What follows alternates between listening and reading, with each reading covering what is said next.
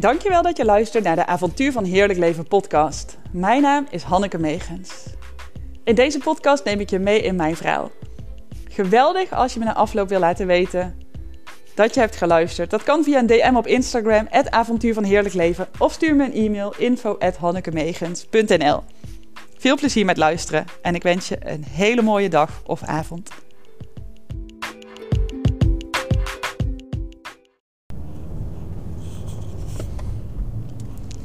Toen ik nog een klein Brabants meisje was en de oudste van een gezin van drie dochters.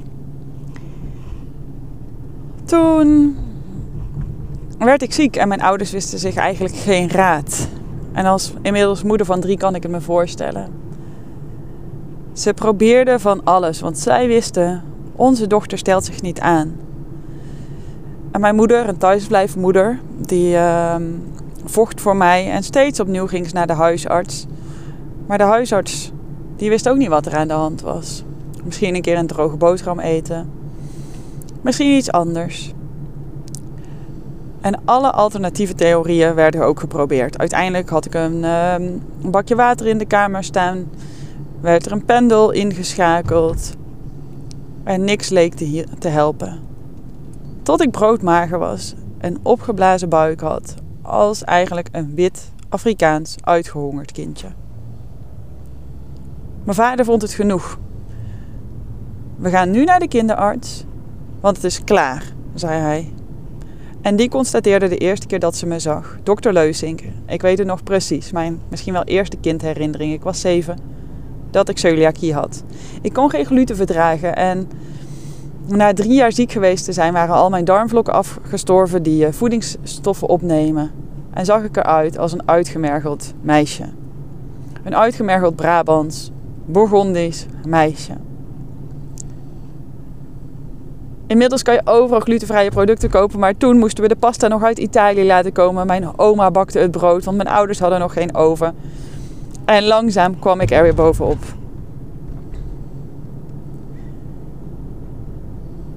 Maar die eerste jaren, ik weet nu hoeveel ze betekenen in een leven door veel te studeren en daarover te lezen.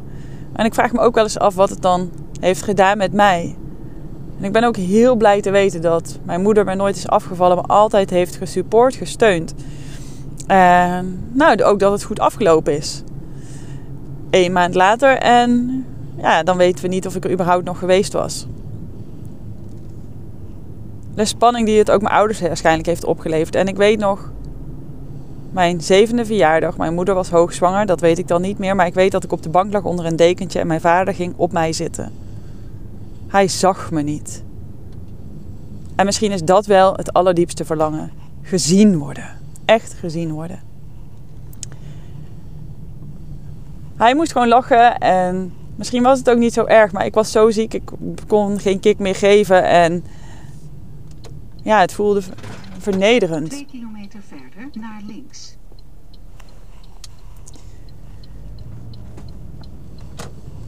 Ik ging op een glutenvrij dieet. En binnen een maandje was ik al een stuk opgeknapt. Wat ik ook nog weet is dat ik als kleuter de populairste was van de klas. Maar toen ik op school smiddags in slaap viel, dat het stopte. Want dan ben je anders dan de rest. En mensen zijn hard. Als je anders bent, hoor je er niet bij. Ik denk dat dat een diep, diep verlangen is van ons allemaal. Wij willen gezien worden. Wij willen gezien worden voor wie we zijn en we willen dat we ertoe mogen doen. We willen ertoe doen. Toch ben ik altijd een beetje anders geweest dan de rest. Ik heb nog twee zussen gekregen. Ik ben opgegroeid in een dorp en er waren op onze dorpsschool wel geteld vier mensen die later naar het VWO zouden gaan. Jos, Lian, Femke en ik. En dat weet ik nog zo goed, omdat ik voor mijn gevoel altijd toch een beetje buiten de groep viel. En ik ging prima in de klas. En ik had ook wel wat vriendjes. Maar mijn echte beste vriendin, ja, die was ik na die uh, intense kleutertijd wel kwijt. En ja, het ging gewoon, het ging gewoon prima. Na de middelbare gaan vond ik al een hele grote en leuke stap. En ook toen was ik een beetje de vreemde eend in de bijt. En ik weet dat dit niet over mij gaat, maar over jou. Maar wie weet herken je wat in deze verhalen. Echt een ontdekkingsreis eigenlijk naar mezelf. Dat is wel de hele tijd geweest. Ik kon als kind best wel goed op die bank liggen en niks doen, dromen. En dat vond ik super, uh, ja, vond ik gewoon heel fijn. Inspirerend en fijn om te doen. En dan kreeg ik altijd naar mijn hoofd Risselingert, ga eens wat nuttigs doen. Ga eens wat nuttigs doen. Ik dacht, ik ben hartstikke nuttig bezig met het lummelen en niks doen. Dat vond ik hartstikke fijn. En kijk nu eens wat een, hoe fijn het zou zijn als we het allemaal een beetje meer zouden kunnen. Maar goed, die middelbare school, eh, daar had ik een uh, leuk vriendengroepje. En ik had, uh, was bevriend met, uh, ik zat op het gymnasium. Ik was vrienden met het zoontje van de tandarts, van de advocaat, van de dokter. En eigenlijk had ik wel een beetje een groepje kakkers om me heen verzameld. En wat deed ik? Ik ging van mijn eerst verdiende geld eindelijk een broek kopen die ik mooi vond. En dat werd zo'n tentis skaterbroek. En ik verfde mijn haar blauw. Als je het hebt over even lekker net anders zijn. Ik hou daarvan als mensen net even anders zijn. En het is me volgens mij met een paplepel ingegoten om jezelf te zijn, ongeacht wat anderen doen. En dat je daar volop mag vertrouwen. Maar ja, natuurlijk was dat een klein beetje raar. En toen besloot ik ook nog dat ik Latijn en Grieks helemaal zelf niet zo nuttig vond. Ik zag daar het nut niet echt van in van die talen die niet meer gesproken waren. Dus ik besloot een ander extra bijvak te kiezen, naar Atheneum te gaan, een VWO. En als extra bijvak management en organisatie en Spaans te kiezen. Want ik dacht, die taal Spaans, dat is een wereldtaal. Dat wil ik leren, zodat ik de wereld kan ontdekken. Niet dat we met mijn ouders ooit verder zijn gekomen dan Nederland of Frankrijk. Maar ik wist toen al, ik ga de wereld ontdekken. En als het kan ook veroveren. Er is niemand, niemand als jij groot droomt die jou tegen kan houden. En vandaag ben ik met mijn oudste zoon naar de fantastische film Sing 2 geweest. Ik kan hem je echt aanraden. Ik vond het weer zo mooi. Ze lieten zo mooi zien hoe er iemand was met een droom. En hij droomde van een show in een groot theater. En toen ging hij dat opvoeren voor een talent scout. En die talent scout die liep weg uit het theater. Hij probeerde haar nog tegen te houden. Zij liet zich niet tegenhouden en uiteindelijk dumpte hij, zij hem in het kanaal. Het is een kinderfilm. Huilend verstopte hij zich terug op zijn kantoor en stapte er iemand binnen die hem overal ging zoeken. Toen vroeg ze, wat doe je hier? En hij zei, de talent scout liep weg. Mijn droom wordt nooit werkelijkheid. Deze weg volgen. En toen ze zei, als je groot durft te dromen, gaan er wel ergere dingen gebeuren dan dat je in een kanaal wordt geflikkerd. Oké, ze zei, nou ja, hè, je snapt het. En ik denk, en ik vind, dat, ja, ik vind het gewoon super inspirerend, want zo is het. Je gaat op je bek. Je zal moeilijke dingen tegenkomen. Niet iedereen zal in je geloven. Maar als jij een droom hebt, dan mag je daarvoor gaan. En ja, dan ben je vaak ook wat anders dan de rest. Dat is oké.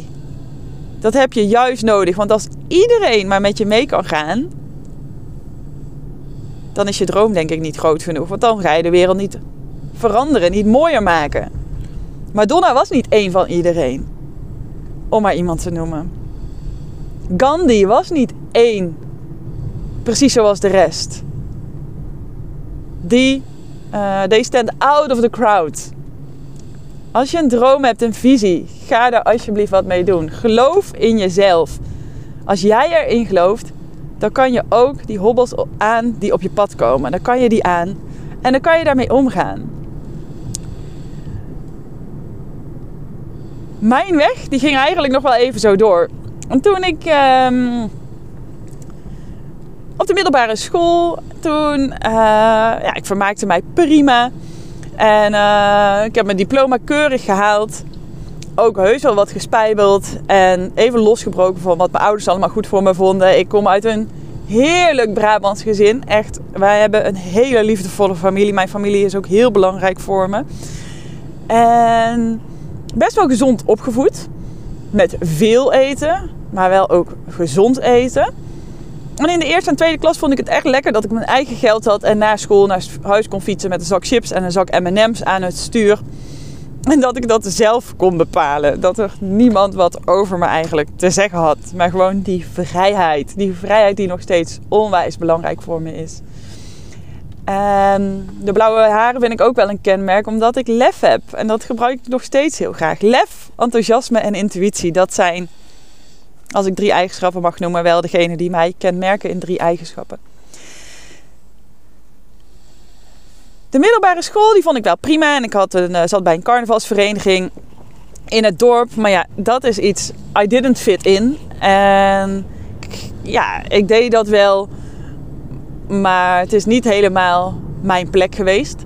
En toen ik ging studeren, toen dacht ik, ik ga absoluut niet op kamers. Ik weet dat ik dat ook nog zei. Ik had een studie uitgekozen, bedrijfskunde in Nijmegen. Ik had geen idee hoe ik dat zou moeten kiezen, maar met een paar vinkjes zetten was het dat dan geworden.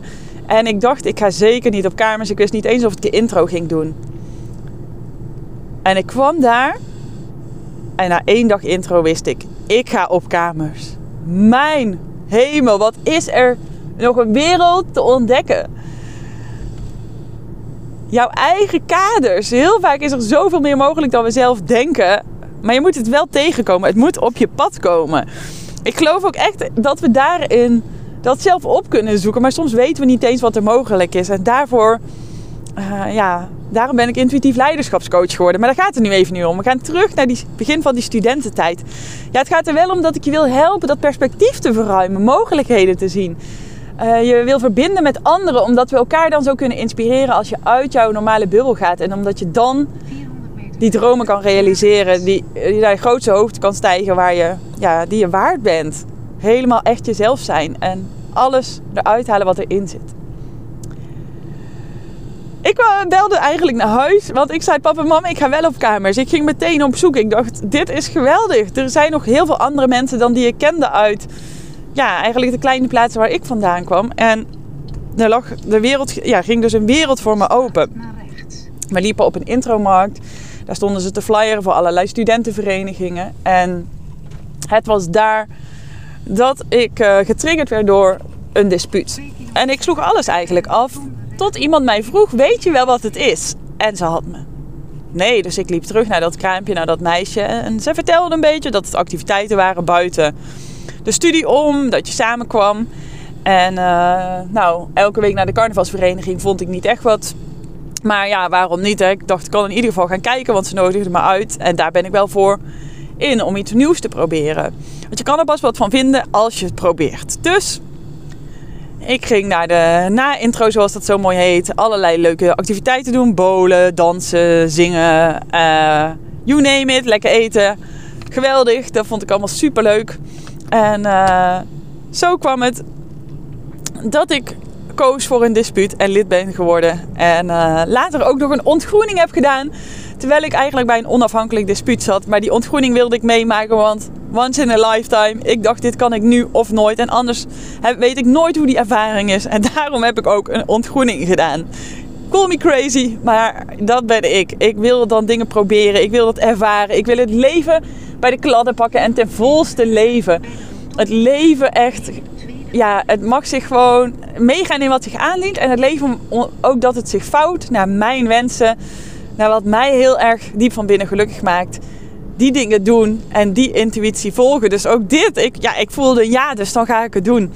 En um, ja, die ontgroening is zo vreselijk als je vertellen. Er werd over iemand heen gepist. We werden afgezeken. Het was ongelooflijk, maar ook magisch om een keer mee te maken. Omdat het ja, ik kan het nergens mee vergelijken. Gelukkig maar. en ik ontmoette ook daar een ontzettend leuke jongen. En um, daar ben ik acht jaar mee samen geweest. Een super, super lieve jongen. Hij heet Jan. En uh, ja, de hele studententijd eigenlijk ook met hem samen ons ontwikkeld. En genoten. Ik heb echt de tijd van mijn leven gehad tijdens het studeren. Ik denk vanaf mijn achttiende dat ik echt ben opgebloeid. En uh, inmiddels ben ik 35 en ik vind mijn leven nog steeds geweldig. Het is echt mooi. Vanaf toen ervaarde ik gewoon hoe het is om dus zelf keuzes te kunnen maken, mijn hart te volgen, mijn intuïtie te volgen en ook die dingen te gaan doen. Het einde van de studententijd, nee, dat is niet waar. Voordat ik mijn bachelor had afgerond, heb ik, ik heb altijd uh, bijbaantjes gehad, altijd hard gewerkt daarnaast. En ik deed van alles. En ik wilde heel graag op reis. Ik hou van reizen. En er was nog niet overal social media. Nog niet iedereen had, een, of eigenlijk nog niemand had een mobieltje. Er gingen nog geen laptops mee op reis. En we hadden besloten naar Mexico-stad te gaan. En we hebben nog overwogen om onze blonde haren zwart te verven. Omdat het zo'n gevaarlijke wereldstad zou zijn. Hilarisch als je daar nu over nadenkt. Maar ja, toen ja, was dat eigenlijk niet meer dan logisch. En konden we wel merkkleding meenemen. Bla bla. Van allemaal van zo'n overwegingen. En na vijf dagen hebben wij toen uh, pas naar onze ouders gebeld. Die echt dachten, oh ze zijn daar ontvoerd. Of uh, ja, wat is hier in godesnaam gebeurd?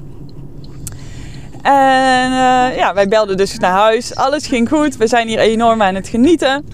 Nou, dat was super. Dat ging allemaal goed. Daar hebben we mega van genoten. Een vier maanden trip. En bijna niemand deed dat toen nog. Zeker niet doe dat dan nadat je alvast een diploma hebt, weet je wel. Straks ontdek je de wereld. Mijn ouders vonden het maar spannend. Want als je de wereld eenmaal ontdekt, die kende mij. Straks komt ze niet meer terug of gaat ze er geen diploma meer halen.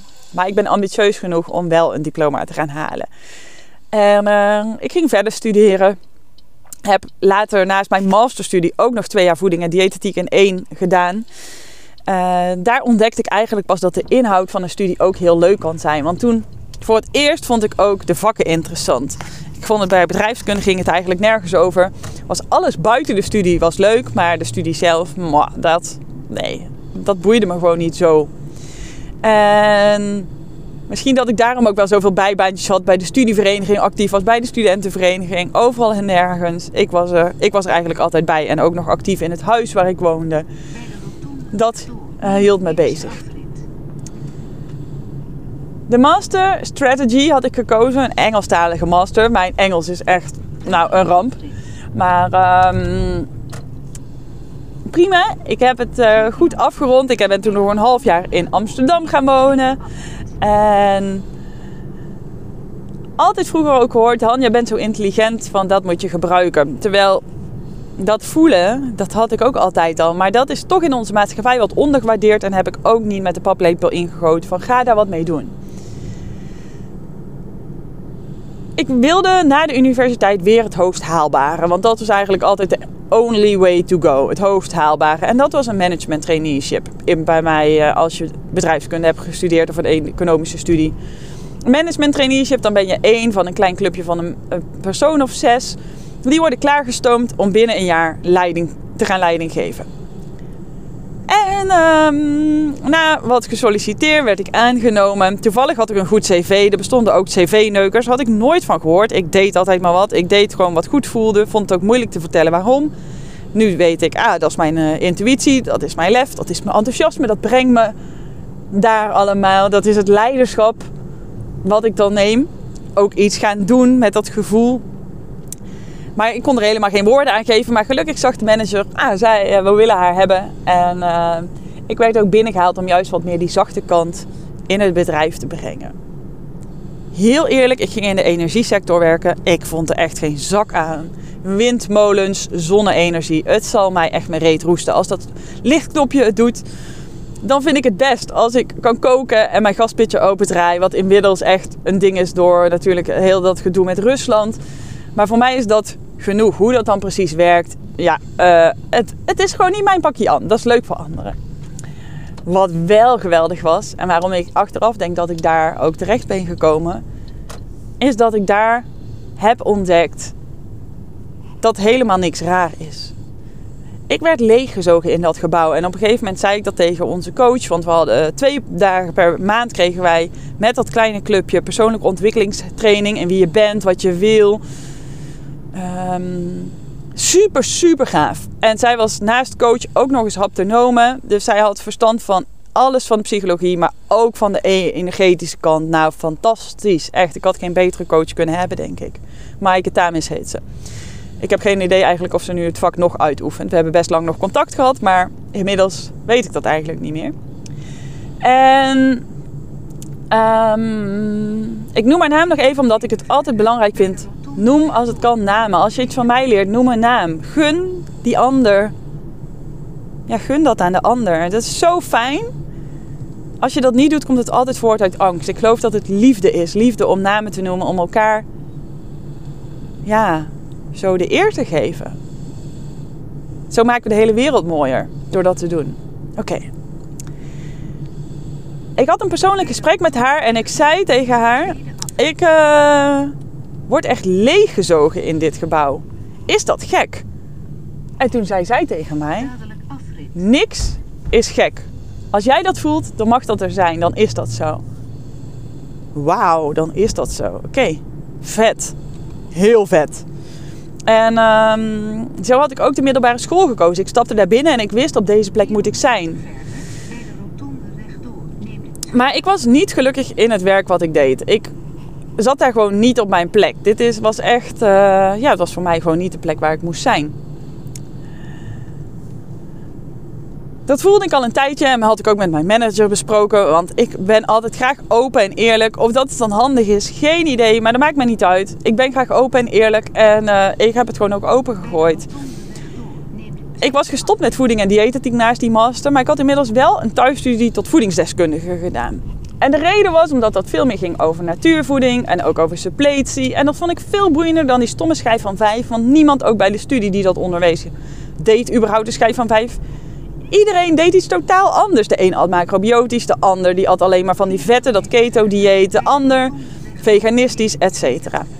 Maar hoe kan het nou als je iets onderwijst dat je zelf iets totaal anders doet? Ja, daar gaat er bij mij echt niet in. Ik geloof practice what you preach. Super, super belangrijk. Dus, um, voedingsdeskundige opleiding gedaan. En mijn werk, dat vond ik echt best wel stressvol. En eigenlijk omdat ik het gewoon wel saai vond en de inhoud niet leuk. Ik zat gewoon niet op mijn plek. En ik had ook veel te weinig uitdaging. Ik had supergoede beoordelingen. Maar ja, gewoon twee vingers in de neus. Het was, het was gewoon niet uitdagend genoeg. Toen ging ik na mijn werk als uh, eens proberen om een lesje yoga te doen. En ik had op de universiteit al wel eens een lesje power yoga gedaan. Ik vond het vreselijk, want die man zelf was zo gestrest. Die heeft me nog gezegd toen ik een slokje water nam op het yogamatje. Oeh, mocht niet op het yogamatje drinken, want dan uh, ja, nou, werd het heilige matje. Daar was iets mee. Ik dacht, vent, het is een rubber matje. Doe niet zo moeilijk. Als ik dorst heb, laat me gewoon een slokje water nemen. Prima. We waren geen match. Is oké. Ik ging dit keer in Arnhem naar de yin yoga. En vijf minuten in een houding blijven. Alleen maar voelen. Geweldig. Wauw. Alsof ik thuis kwam weer bij mezelf. Bij iets wat ik was vergeten. Terugschakelen van de zesde versnelling naar de eerste. Alleen maar voelen en dat was genoeg. De energie stroomde. Letterlijk voelde ik de energie weer in mijn lichaam. En we gingen daarna een kopje groene thee drinken het voelde echt alsof ik high was. Ik zweefde bijna boven mijn fietsje naar huis. En uh, ik moest de berg op fietsen. Geweldig! On top of the world voelde ik me echt in flow. Door alleen maar weer te hoeven voelen. Thuiskomen bij die liefde die we van nature zijn. Die heelheid ervaren. Gewel, echt geweldig. En um, dat maakte dat ik daar ook iets mee wilde doen. Ik, elke keer werd mij de vraag gesteld in het bedrijfsleven: waar wil je over vijf jaar staan? En dan zei ik: waar wil ik over vijf jaar staan? Rebels als ik was als ik vandaag gelukkig ben, dan ben ik dat morgen ook. Als ik die eerste stap zet en die is goed, dan voelt de volgende ook goed.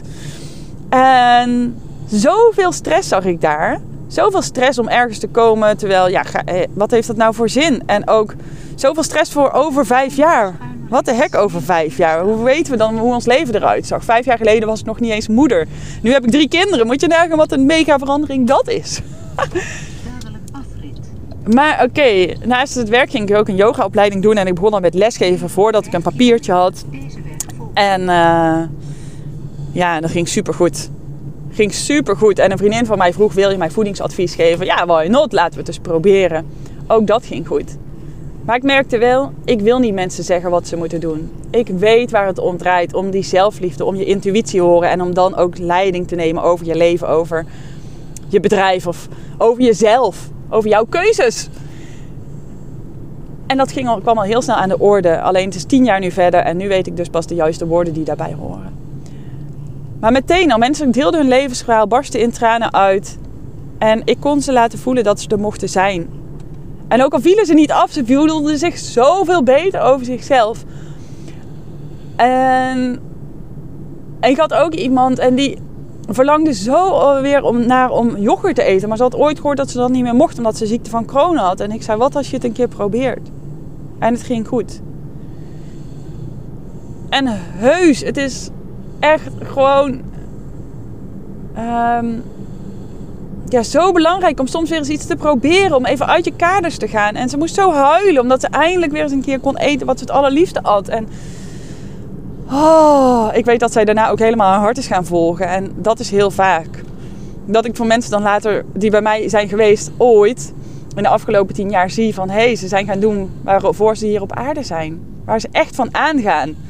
Waar zij goed in zijn, gelukkig van worden en waarmee ze dus ook anderen kunnen helpen. En dat maakt mij gelukkig. Dat maakt me echt oprecht gelukkig. Maar heel snel merkte ik dus, ik wil niet mensen zeggen, je moet iets doen. Ik wil ze graag inspireren, het voorleven, want dan...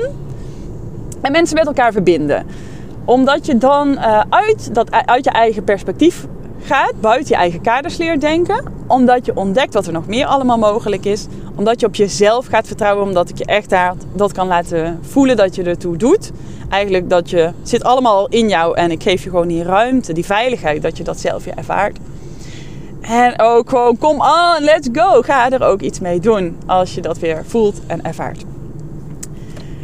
En zo kwam het ook dat... Uh, ja, dat ik, oh ja, ik wist ik wilde retreats organiseren. Ik hield nog steeds enorm van reizen. Maar ja, inmiddels dacht ik ook, hoe kan ik dat dan doen? In mijn werk. Omdat ik dus niet leef om te werken, maar ik werk om te leven. En ik wil mijn leven zo optimaal mogelijk inrichten op mijn voorwaarden. Met wat zich aandient en ik dacht, ja, daar hoef ik mensen niks voor te schrijven. Maar dan kan ik ze eens laten zien hoe je lekker gezond kan eten. Dan kan ik mensen met elkaar samen verbinden. Dan kan ik ze met de yoga thuis brengen bij zichzelf, bij hun intuïtie. En die levensverhalen die komen wel. Als ik daar ruimte voor heb om naar te luisteren, dan kan ik, ze, ja, kan ik daar naar luisteren. En geloof ik dat ze gewoon weer de volgende stap gaan zetten. En zoals ik net zei, van die ene stap komt de rest van het avontuur van heerlijk leven vanzelf. Maar zo geschiedde. Ik ging retreats organiseren in Domburg, in Ibiza. En daarnaast heb ik nog wel persoonlijke coaching trajecten aangeboden. Maar dit maakte dat ik een hele heerlijke vrije agenda had, toch goed verdiende en mijn leven zo kon leven als ik dat wilde. En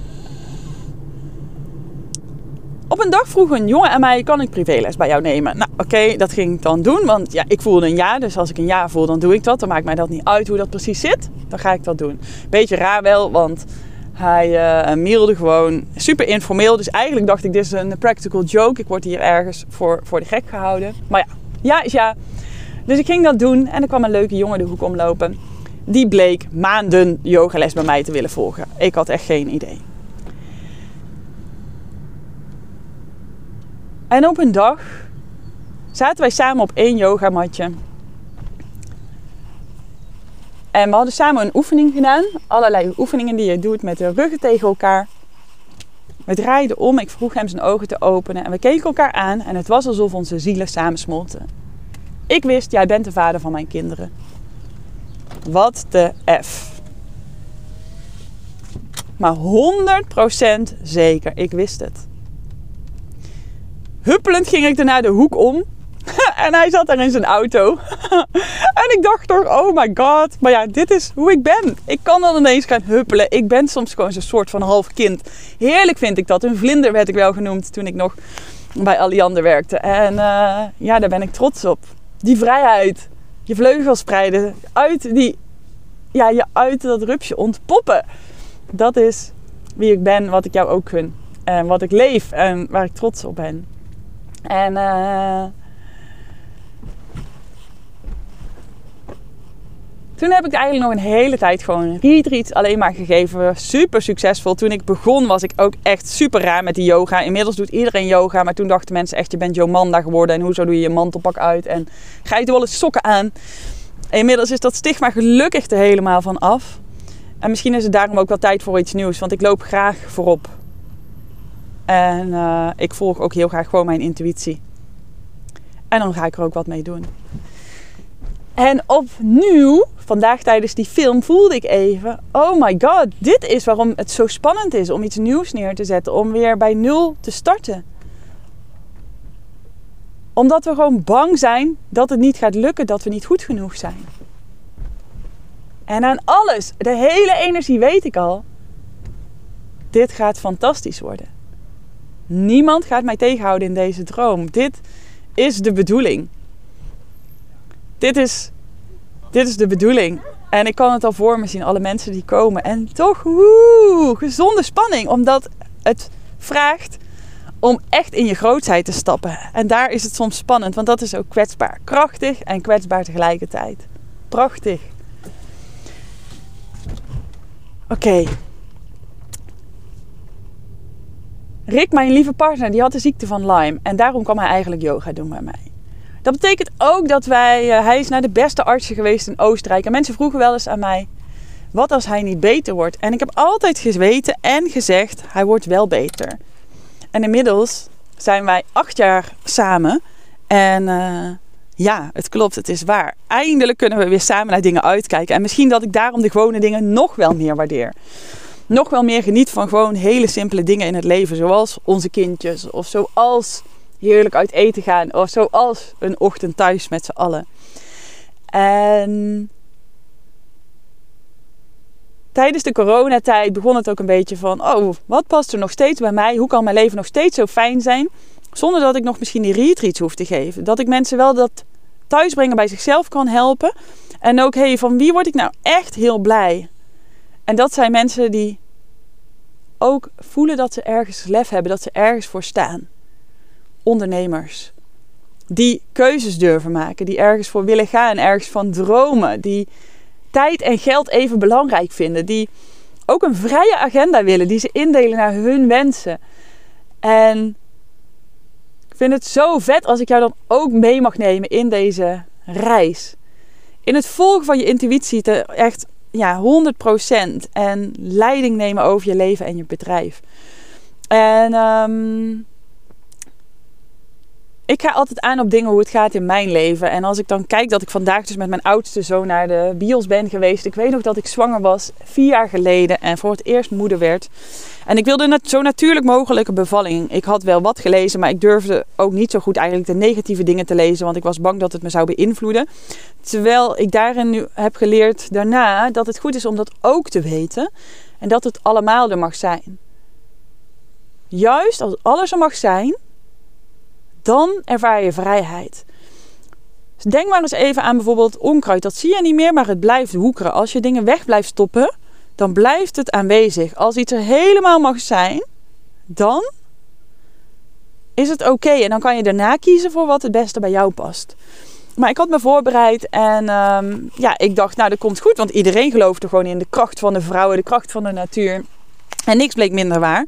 Want juist degene die aan jouw zijde staat, aan jouw bed staat, is hartstikke belangrijk. Ik ben bij onze eerste met gebroken vliezen uiteindelijk in het ziekenhuis beland. En daar bevallen van een prachtige zoon, ingeleid. Uh, fluxus dus veel bloed verloren. Maar ik voelde me geweldig, want ik was zo trots. Ik was zo trots. En um, maakte wel dat ik me afvroeg, ja, hoe kan dat dan? Hoe kan het als je thuis wil bevallen? Wat is er dan eigenlijk nodig? Want, en toen wist ik dus, degene aan jouw zijde maakt een groot verschil. En misschien had ik dat achteraf bezien ook veel eerder in mijn eigen bedrijf moeten implementeren. Er zijn heel veel parallellen te trekken tussen ouder zijn en uh, ondernemer zijn. Degene aan jouw zijde maakt een mega verschil. Als ik als intuïtief leiderschapscoach aan je zijde sta, als ik een coach aan mijn zijde heb, voor persoonlijke groei groeit mijn bedrijf mee. Maar ook een bedrijf, iemand die mij coacht in mijn bedrijf, dat maakt dat ik zelf sneller kan groeien. Want zij kunnen dingen voor je zien die je zelf misschien op dat moment niet ziet.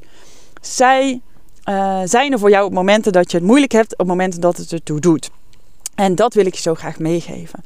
Bij mijn tweede zoon ben ik thuis bevallen in ons bad.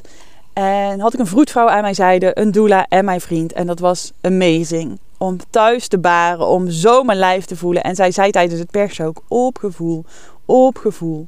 En dat is nou precies zoals het mag zijn en kan gaan. En dat was geweldig om gewoon in het moment te voelen van... hé, hey, dit is nodig en dit kan ik. En die kracht te ervaren. En ik had toen twee liter bloed verloren. En toch, het was echt wauw. Wauw. En hoe gaaf is het omdat ik twee zoons op de wereld heb mogen zetten. Ik was zo trots.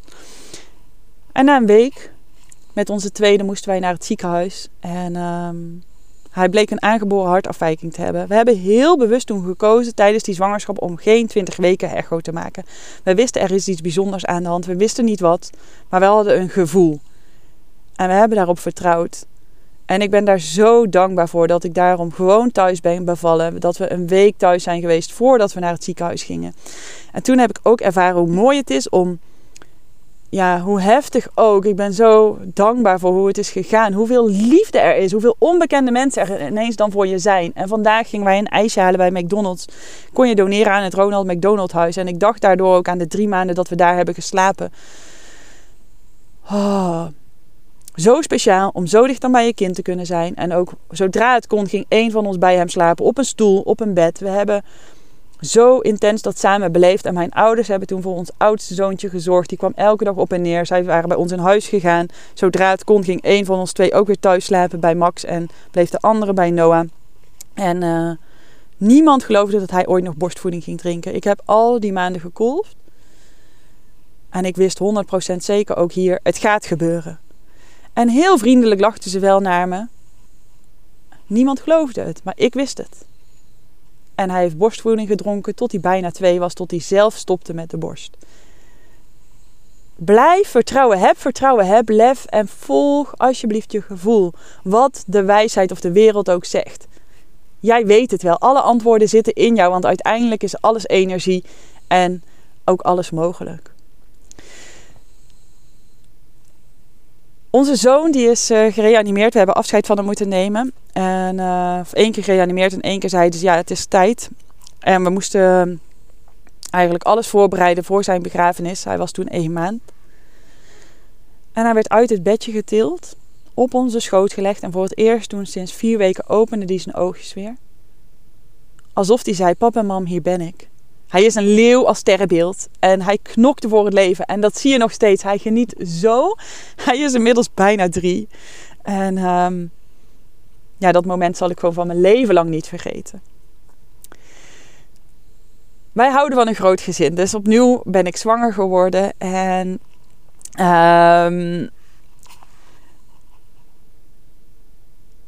de laatste die geboren is, is een dochter. En de hele tijd zei ik tegen mijn vroedvrouw ik ga dit alleen doen. Ik wil niet dat je erbij bent. Ik kan dit. Ik weet inmiddels precies wat ik moet doen. Ik ga dit met Rick doen. En Rick die had echt ogen zo groot als schoteltjes. Die dacht, what the fuck? Hoezo gaan we dit met z'n tweeën doen? Hoe onveilig is dat? En uh, waarom, waarom? En uh, uiteindelijk de dag dat de bevalling was begonnen, werd ik wakker om vijf uur. Dat had ik ook gemanifesteerd. En de weeën begonnen een beetje rustig. En um, ja, dat was gewoon mooi hoe dat is gelopen. Mijn zusje gebeld, die heeft voor onze oudste twee zoontjes gezorgd. Ik, het bevalbad stond al opgevuld. En we gingen een boswandeling maken. En toen heb ik uiteindelijk dus de kraamzorg en de verloskundige gevraagd om te komen. Ongeveer drie uur s middags. Toen bleek ik, ik zei of ik heb volledige ontsluiting of nog bijna niks. En toen bleek ik drie centimeter ontsluiting te hebben. Ah, kloten. Ik had bedacht, ik wil dat dit keer ook weer niet weten. Maar ik wilde het wel weten, want ik dacht, dit heb ik nodig om ja te kunnen zeggen tegen die bevalling, tegen die weeën. En uh, je kan alles bedenken, maar je kan beter ook dan weer voelen van hé, hey, wat is nu belangrijk? Dus die drie centimeter. En toen wist ik, oké, we moeten weer een wandeling maken. Dat is nodig. En toen zei Jooske, ik heb nog een bevalling. Kan ik gaan of zal ik daar voor de achterwacht bellen? Maar ja, ik dacht, zij wil ook het liefst dat zij echt erbij is. Dus ga maar. En ik had wel eigenlijk gezegd, willen jullie misschien niet nog een uurtje blijven? Dus de kraamzorg vroeg, moet ik blijven? Ik zo, ja. Want ik wist, de shit gaat aan. Nu ik dit weet, nu kan ik ervoor kiezen om uh, verder te gaan. En na die wandeling, de weeën hielden niet op. Binnen twee uur had ik volledige ontsluiting. En kwam Hanna ter wereld, alleen met Rick erbij. Het was magisch. De kraamzorg vroeg nog, oh kan je de perswee niet wegpuffen? Maar ik zei, ik weet precies wat ik moet doen. Precies zoals ik al die tijd had geloofd. En zo mocht het gebeuren. En jij ook. Wat dan ook. Je weet precies wat je moet doen. Altijd. Alles is een perspectief, alles is een keuze. En als je dat gaat zien en geloven, dan wordt je leven zoveel mooier. Als je echt durft te vertrouwen op jouw intuïtie, leiding durft te nemen. Magic. En niks anders is meer mogelijk. Ook met de keuzes die je maakt in je bedrijf. Je bent waarschijnlijk al succesvol. Je hebt een gevestigd, goed lopend bedrijf. Maar jouw agenda, jouw tijd, die wordt dus voor je bepaald. Neem het heft weer in je eigen hand. Jij kan de agenda en je tijd bepalen. Als je weer tijd wil hebben voor je kinderen of voor die reisjes. Tijd voor jezelf. Het kan allemaal. En die leuke moeder zijn En er zijn voor je partner. En tijd hebben voor jezelf. En een goed lopend bedrijf runnen. Geld en tijd zijn twee zijden van één medaille. Het mag er allebei zijn. Want aan alleen geld heb je niks. En alleen tijd heb je ook helemaal niks. Hoe fijn is het als je de ideale balans weet te vinden? Vind het geweldig als ik hier een beetje mee mag reizen. En ook als je daarin ook jezelf wil verbinden, ook met andere ondernemers. Tof dat je hebt geluisterd naar mijn verhaal.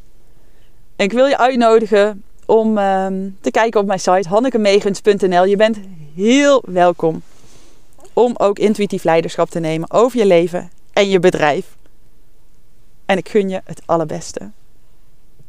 Ik spreek je snel.